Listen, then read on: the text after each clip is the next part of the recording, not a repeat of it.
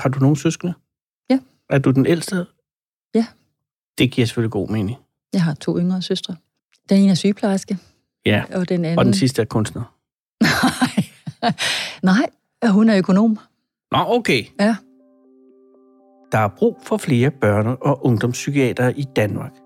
Det er simpelthen bare ikke et populært speciale blandt de unge lægestuderende, og derfor er der ikke så mange, der vælger det. Men hvorfor er det sådan? Og hvad kan man gøre ude på psykiatriafdelingerne for at gøre det mere attraktivt? Det spørger jeg Gitte Madsen om. Jeg hedder Gitte Madsen, og jeg er speciallæge i børne- og ungdomspsykiatri, og Mm. jeg er ansat i børne- og ungdomspsykiatrien i Odense som det, der hedder specialansvarlig overlæge. Gitte er overlæge i børne- og ungdomspsykiatrien i Region Syddanmark. Som overlæge er hun med til at gøre børne- og ungdomspsykiatrien til et godt og spændende sted at arbejde, så det hele ikke går op i at få så mange patienter igennem systemet så hurtigt som muligt. Hjemme hos jer, da du var barn, var du så øh, chefen øh, derhjemme? Jeg tænker, altså, var du hende, der bestemte, ikke over dine forældre, er jeg godt klar over, men, men i børneflokken? Altså, hvis du spørger mig, så vil jeg sige, det, det fornemmede jeg ikke. Hvis du spørger min søster, så ved jeg, at de siger ja. Ja. ja. Jamen, sådan er det jo. Sådan det er jo er en god ledelse. Du lytter til psykens detektiver. 15 procent af børn og unge i Danmark får en diagnose for en psykisk lidelse, inden de fylder 18 år. Og tallet er i overvis gået op. Blandt andet fordi vi bliver bedre til at opdage det, når børn og unge har en psykisk sygdom. I denne her podcast ser jeg, Anders Lund Madsen, på lægernes arbejde i børne- og ungdomspsykiatrien. Og jeg undersøger de fordomme om psykiske lidelser, som mange af os måske stadig går rundt med. Der mangler psykiater i Danmark, og især børnepsykiatere. Der er kommet større fokus i samfundet på psykisk sygdom, og det kan være en af grundene til, at flere og flere børn og unge kommer ind i psykiatrien. Men antallet af psykiatere er ikke fuldt med. Så børne- og ungdomspsykiatere kan have travlt, også fordi systemet stiller krav til dem om at få diagnostiseret og behandlet patienterne i en vis fart. Som overlæge at give det massen den, der både skal sikre, at afdelingerne lever op til kravene, og samtidig sørge for, at hendes kolleger har mulighed for at lave det bedst mulige lægearbejde. Har du altid vidst, at du gerne ville arbejde med ledelse? Altså, jeg er i hvert fald været en af dem, som har været optaget af, hvornår jeg synes, noget var retfærdigt eller uretfærdigt, og om der var plads, og hvor vejen gik, og hvorfor beslutningerne blev taget. Du er jo overlæge. Ja. Hvilke værdier er vigtige for dig øh, at dyrke på din afdeling? Tillid, åbenhed, det at turde komme til hinanden, men også ordentlighed og mod, og øh, ønske om at gøre tingene så godt man kan. Og øh, jeg synes faktisk også, at det at have ambition er vigtigt. Ambition om at, være med til at rykke noget i fællesskab. Og hvordan mærker patienterne det konkret? Disse værdier? Øh, Ja, det kan jeg jo kun håbe på, at de mærker i forhold til, at, Ja. at, øh, at det er et rummeligt sted, og at der er plads, og at de tør give sig hen og, og fortælle om de vanskeligheder, de har, og at de kan have en forhåbning om, at vi kan hjælpe dem. Altså det må være vores fornemmeste mål at skabe sådan et miljø. Mm-hmm. Kan du give et eksempel på et, en, en situation, hvor, at, altså, hvor det lykkedes at få nogle af de her værdier ind i dit arbejde?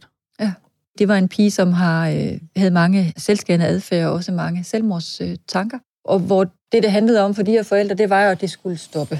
Og det skulle stoppe hurtigt, og vi skulle have en udvikling, som skulle foregå meget stærkt. Og Mm. det kunne vi ikke, fordi ting tager tid, når folk skal rykke sig.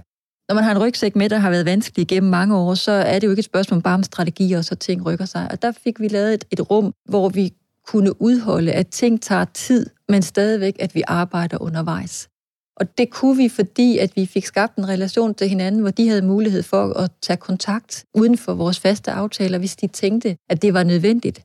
Og det var lidt nødvendigt i starten, men til sidst, så blev det faktisk mindre nødvendigt, end jeg havde frygtet, fordi at den der fornemmelse af, at der er nogen, der er tilgængelig, der er nogen, der vil kigge på det igen, der er nogen, som lytter, selvom vi siger de samme ting en gang til, det er utrolig vigtigt. Du øh, bliver endnu mere tålmodig. Langmodig. Ja, altså langmodighed er faktisk et ret godt ord. Altså langmodighed er jo svært for alle mennesker at arbejde, uanset om det er en faglig ramme eller det ikke er. Men, men jeg synes, at noget af det, vi kan i psykiatrien, uanset om vi snakker patientforløb eller vi snakker ledelse, det er at kunne forstå langmodighed som noget, der stadigvæk kan have en udvikling i sig. men have et tidsperspektiv, hvor du ikke kender nødvendigvis en slutdato. Og det kan gøre det svært. Det kan skabe, helt klart skabe et dilemma ind i en ledelsesmæssig del også, hvor man i forhold til forløb jo for eksempel har behandlingspakker og sådan nogle ting, som I måske har set i medierne, at, at der er nogen, der gerne vil definere en ramme for, hvornår noget er afsluttet. Der er også nogen, der gerne vil definere en ramme for, hvornår vores uddannelse er afsluttet. Så hvordan finder man balancen mellem at holde rammen og samtidig have en vis langmodighed indbygget, næsten som et redskab nogle gange? Mm. Det er jo en offentlig arbejdsplads, et hospital. Ja. Øh, og som alle offentlige arbejdspladser er der krav til produktion og, øh, og, og tid, og øh, hvor meget I skal producere, og hvor hurtigt I skal gøre det. Hvordan oplever du det aller tydeligst? Jamen det oplever jeg aller tydeligst som et problem, der hvor patienterne ikke selv oplever sig klar til afslutning. Hvis der kommer sådan en, øh, en ung kvinde med depression, for eksempel, ja. er der så sådan et schema, hvor der angives, som, hvor, hvor længe og hvornår øh, at vedkommende skal have det bedre? Altså, hvor, hvor meget kan man øh, sige, at det er lagt i, i faste rammer? Altså, det er lagt i rammer på den måde, at der nationalt er lavet behandlingspakker, som er defineret på varighed.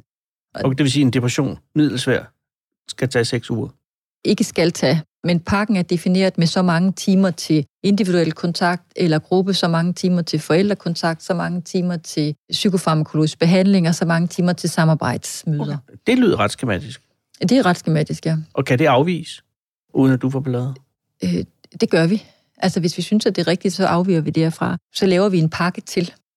Hvordan bliver I mål på, om I gør det rigtigt og godt nok? Vi bliver målt dels på, om vi overholder udredning og behandlingsretten, altså om øh, vi får dem udredt og mhm. behandlet mm-hmm. inden for de rammer, der er der, og øh, så bliver der holdt øje med, hvor mange behandlingspakker vi kører igennem, men det bliver vi ikke målt på direkte. Reelt er der meget fokus på at blive målt på tilfredshedsundersøgelse direkte fra patienterne. Øh, der er noget begyndt at... noget? ja, ja. Er det rigtigt? Ja. Men, men det vil sige, der er straks... Øh, altså det, at sammenligne med, øh, når du har været På toilettet? I, ja, jeg har lige været i Elgigant. Nå ja, øh, så, så hvordan var betjeningen? Ja. Og så er der den grønne og helt hen til den røde. Er ja. det samme princip? Ja. Hold da op. Mm. Hvor, hvor udbredt er det? Jamen, øh, slet ikke så udbredt, som vores ledelse gerne vil have. Nej, nu siger jeg vores, og så adskiller mig lidt frem, kan du godt høre. Ja, det er klart. Ja. Og, det, og det i et land, demokratisk land som vores, må man godt adskille sig fra sin ledelse. Jo. Det, er, det er jo det. Men det vil sige, det er noget, det er noget nyt straks undersøgelserne. Ja, det er noget, og jeg ved ikke, om det kun foregår i vores øh, region, men det, men det er noget nyt. Tror du, det er sådan noget her, der kan skræmme øh, folk væk fra øh, psykiatrien? Altså behandlere? Ja, det tror jeg, det er. Jeg tror, at den der øh, den logistiske praksis, som i hvert fald bliver trukket ned mange steder, kan opleves udfordrende og forene med et, det hele menneskebillede. Mm. Og hvad kan du gøre ved det? Altså, først så kan jeg kæmpe imod logistikken, og det har jeg gjort, og så brækker man arm og ben. Mm-hmm. Det næste, man så kan gøre, det er at, øh, at forholde sig til, øh, hvordan kan vi så med de logistiske rammer skabe mening ind i det her sammen med vores personale, så vi på den måde kan skabe mening for patienterne. Det er jo det er jo en interessant udfordring, at være i et system, hvor man kan have nogle ting, man er uenig i, øh, men er nødt til at følge nogle rammer indenfor, og hvordan gør man det så på en måde, så det kan blive så meningsfuldt som muligt. Altså sådan er det også at være i det offentlige system lige nu. Og det synes jeg også, vi skal turde stå ved, at det er den pragmatik, der også er nødt til, at man er nødt til at forholde sig til, at det gælder jo ikke bare i psykiatrien, det gælder jo alle steder som overlæge er det så dig, der skal stå nogle gange også med en kollega, som gerne vil gøre noget, hvor du er nødt til at skæve til for eksempel det økonomiske, og hvad der er mulighed ja. for at gøre. Ja, og, og det bliver faktisk, altså det bliver jo en anden slags dilemma, fordi en ting er de sager, jeg selv står i konkret, men når jeg også skal stå på mål for et system over for en yngre kollega, som jeg faktisk er enig med, Altså, jeg kan bedre holde ud og gå på kompromis med mit eget, men hvis jeg også skal tvinge nogle andre til at gå på kompromis med deres, så kan det blive svært. Og der ligger øvelsen jo ikke, at folk får en fornemmelse af, at det, de tænker, er forkert, eller at det ikke kunne være mere optimalt, men at hjælpe dem til at forstå og skabe sig en vej inden for rammen, så det stadigvæk kan give mening at være der, selvom der er en ramme. Det der, tænker jeg, er også en opgave for mig, sammen med de yngre kollegaer eller mine andre samarbejdspartnere. Mm.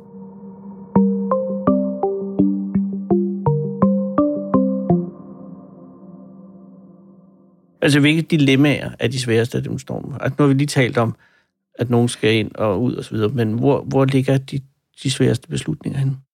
Jamen, de sværeste beslutninger ligger i at kunne være nødt til at lave en afslutning på nogle forløb, hvor man egentlig ikke selv synes, at det i den ideelle verden ville være det, man ville gøre. Men man er nødt til at gøre det. Og der står man, og det tænker jeg, man gør i særdeleshed som overlæge, uanset at man ikke er specialansvarlig overlæge, så står man der, hvor den ledelsesbeslutning skal tages. Og den kan måske stride imod, hvad man selv synes, man havde lyst til, skulle mm. ske i den pågældende sag.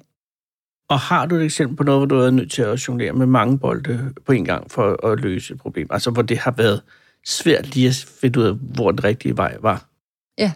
Noget af det, der fylder inden for mit fagområde, som jo så er det affektive, det er jo, som vi talte om, de personlighedsforstyrrede. Og de unge piger med borderline, som øh, kan være svært selvskadende, og også have øh, selvmordsadfærd, der kan være ret voldsom, har det jo med at komme i vores afsnit, og ingen tør at stille op til det, heller ikke ude. Familier tør ikke stille op, øh, systemer tør ikke at stille op, fordi at det er jo vores ultimative liv og død, det er jo den selvmordsting. Samtidig med, at vi både pladsmæssigt i afdelingen skal have et flow, og at vi også godt ved, at vi fagligt heller ikke hjælper de her piger med langvarige indlæggelser nødvendigvis. Det dilemma, der var i en konkret sag, jeg tænker på her, var så, at det her unge menneske kunne ikke komme hjem og bo. Vi skulle have en kommune med på banen, fordi vi havde en tanke om, eller vi havde en vurdering af, at det havde en kompleksitet, hvor der var brug for et bosted og et tæt kommunal støtte. Mm. Det var kommunen ikke enig i. Og det gjorde, at vi var nødt til, for at få plads i stabile perioder, at udskrive den her pige velvidende, at så kommer hun igen.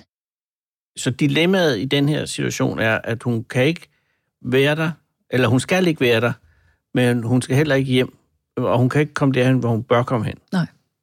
Øh, så, så hvordan, øh, altså, hvordan spidser det til, tænker jeg? Jamen, i den konkrete situation spidser det til ved, at den unge kvinde endte med at stå et meget højt sted og troede med at springe ud, og politiet måtte komme til, og på den måde nåede at hente hende flere gange. De også begyndte at i talesætte, hvad er det, der sker her?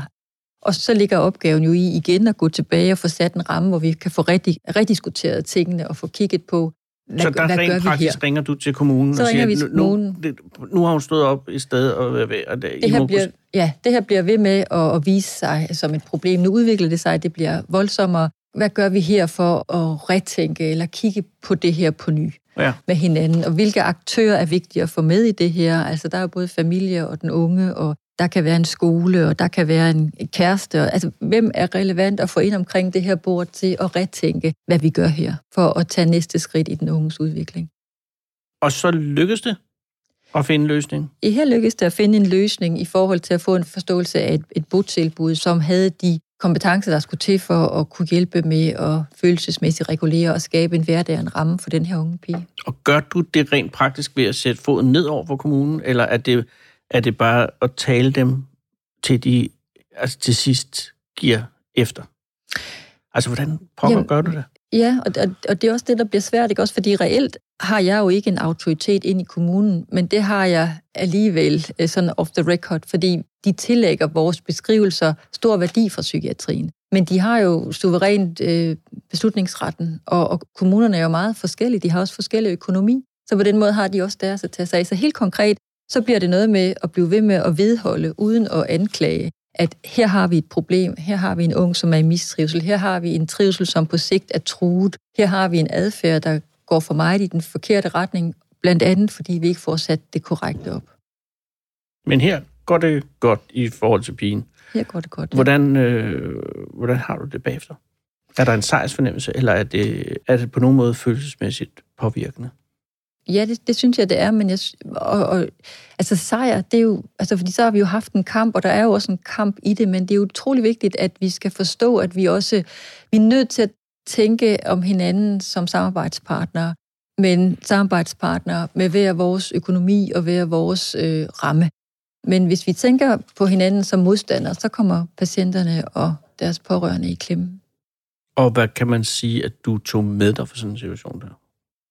Vigtigheden af at blive i sagerne og stå ved og gøre sig tanker om, hvad er det nye vinkel, så vi repræsenterer en udvikling, og ikke bare bliver vedholdende i forhold til at sige, kan I dog ikke se det, forstår I det ikke? Der mangler læger i psykiatrien. Ja. Øh, hvorfor tror du, at det er tilfældet? Hvorfor appellerer det ikke til flere? Nej. Altså, psykiatrien har nok ikke været gode nok til at i tale sætte, hvad det egentlig er, vi arbejder med. Jeg tror, der er en masse fordomme, og så, så er det stadigvæk ikke et prestigeområde, må man bare sige, ind i den samlede forståelse af det at være læge. Hvordan mærker du, at der mangler folk i børne- og ungdomspsykiatrien? Jamen det gør jo blandt andet på, at vores øh, udredningstider bliver længere, end vi synes, de skal være, fordi vi har ikke kræfter nok, der kan udrede og behandle på højt specialiseret niveau. Hvordan mærker patienterne det? Ventetid. Og har du nogen som helst mulighed for som leder at kunne gør gøre det mindre slemt? Ja, altså jeg, jeg synes, at, at øh, det vi kan, det er at prøve for det første at, at være meget grundige i forhold til vores forventningsafstemning. Hvad er det, vi kan tilbyde her? Hvad er det, og det er jo det, der kan være svært ved at have øh, ansvarsopgaven at sige, jamen, jeg vil også nogle gange ønske, at vi kan tilbyde mere, end vi reelt kan, men vi har en ramme, vi arbejder indenfor. Og hvordan, hvordan kan man stadigvæk være et, et helt menneske, når man selv også har en faglighed, der gør, at man tænker, her kunne vi godt tænke os at gøre mere, eller her kunne vi tænke os, at vi skulle gå en anden vej, men det kan ikke lade sig gøre, fordi rammen er brugt. Så på den måde synes jeg også, der er nogle dilemmaer indbygget øh, i det at have det ledelsesmæssige ansvar for flow som leder, hvad gør du så for at gøre det sted, hvor du arbejder, til at være et virkelig godt sted for en ung læge eller medicinstuderende? Det jeg helt klart kan gøre, det er at være med til at skabe et miljø, som er imødekommende, som er rummende, som man kan øve sig i, og som man kan søge hjælp og støtte, når man bliver i tvivl forholdsvis hurtigt, så man ikke synes, man skal bære tingene for meget alene. Hvordan mærker du den altså de politiske krav til det, du laver? Altså, jeg mærker det dels fordi, at øh, jeg kan blive bedt om at komme ud og holde oplæg til Sundhedsudvalget, for eksempel, i regionen, og fortælle dem om, hvordan arbejder vi med selvmordsforebyggelse, hvad er vores kriterier, og, og høre de spørgsmål og de holdninger, de har til det. Så mærker jeg det jo i forhold til de krav, der er omkring produktivitet. Og så mærker jeg det i forhold til den udfordring, der er omkring kravet af, af produktivitet og forventning om flow. Og så den hverdag, der handler om, at ting jo tager den tid, som ting tager. De kommer ikke på gangene. Altså, jeg talte med en kollega i en kommunal øh, region, som fortalte, at hun har været i en region, hvor en af politikerne i kommunal kommunalbestyrelsen var kommet og havde banket på. Altså sådan foregår det ikke hos os. Men vi kan godt mærke dem, vi kan mærke kravene, og vi kan også mærke, at, at de ikke altid ved, hvad det er for en virkelighed, vi arbejder i, i forhold til at have nogle forventninger om, at vi skal kunne ting hurtigere, end mennesker nogle gange kan følge med til. Mm. Og hvor, i hvor høj grad har man mulighed for at ændre ved tingene? Jamen, det, det kommer jo an på, hvad det er for nogle ting. Altså, øh, jeg mener, man har mulighed for at påvirke mm. tingene. Men man skal selvfølgelig også vide, og det er ikke anderledes for os end andre steder, at øh, der er også ting, der ikke kan påvirkes. Der er rammer, og der er en økonomi, som bliver bragt i spil konstant. Så man skal kunne se ud over det og tænke, sådan er det. Hvad har vi så om muligheder her? Og det er jo vigtigt også at få sagt, at det er jo ikke specifikt for børne- og ungdomspsykiatrien. Gitte, hvordan er det som psykiater, når man gerne vil gøre livet for folk øh, så godt som muligt, at man øh, indimellem kan man sige, oplever øh, systemet som øh, lidt en modstander. Lidt for stramt. Ja. Lidt øh, for hårdt at arbejde med. Ja. Altså, på et tidspunkt var der en, der sagde til mig, at du er alt for idealistisk. Mm. Og det tror jeg også er rigtigt. Altså, jeg, jeg oplever, at det kan blive for stramt, og det kan blive for svært at få skabt nogle forløb, som jeg synes giver mening, og så bliver udfordringen at blive på pladsen og ikke tage kampe, som jeg enten dør af, eller som ikke hjælper patienten, når det kommer til stykket men prøve at retænke og også stå ved over for patienterne, at der er også systemting i det her, og det er ikke bare et spørgsmål om at frelægge mig ansvaret, men på en eller anden måde, så kan vi samles i det, og med afsæt i det, at det kan vi ikke påvirke, selvom vi kunne ønske, at vi kunne gøre det, kan vi så tænke sammen alligevel. Altså det bliver en appel til at prøve at få folk med ombord. Det er jo ikke bare mig, der er jo masser af idealister. Altså folk er jo kommet, fordi de gerne vil gøre det godt for andre folk og prøve at skabe udvikling. Så hvad kan vi gøre her for alligevel at se, om vi kan skabe den bedst mulige historie? Og det lykkes til tider, og til tider lykkes det ikke. Og så må man gå hjem og tænke, at det var det bedste, vi nåede til her. Så på den måde er man også nødt til som fagperson at kunne forholde sig pragmatisk til, at der, hvor jeg er i systemet, der har jeg ikke mere mulighed for at påvirke rammerne end til en, en, en vis grad. Jeg tænkte, der er lavet nogle undersøgelser af medicinstuderende, der har målt på deres empati, da de startede, og så har de målt empati gennem studiet, og det blev færdigt. Ja. Og der falder deres score, altså de bliver, deres empatiscore falder, de bliver mere kyniske i måden, de går øh, til tingene på. Og, og det er jo den der balance, ikke at blive en kyniker, men samtidig heller ikke tænke, at man er i stand til at bære hver eneste menneskes liv hele vejen igennem, men nogle gange må man sige, vi nået hertil, og det synes jeg er et kæmpe dilemma at være i.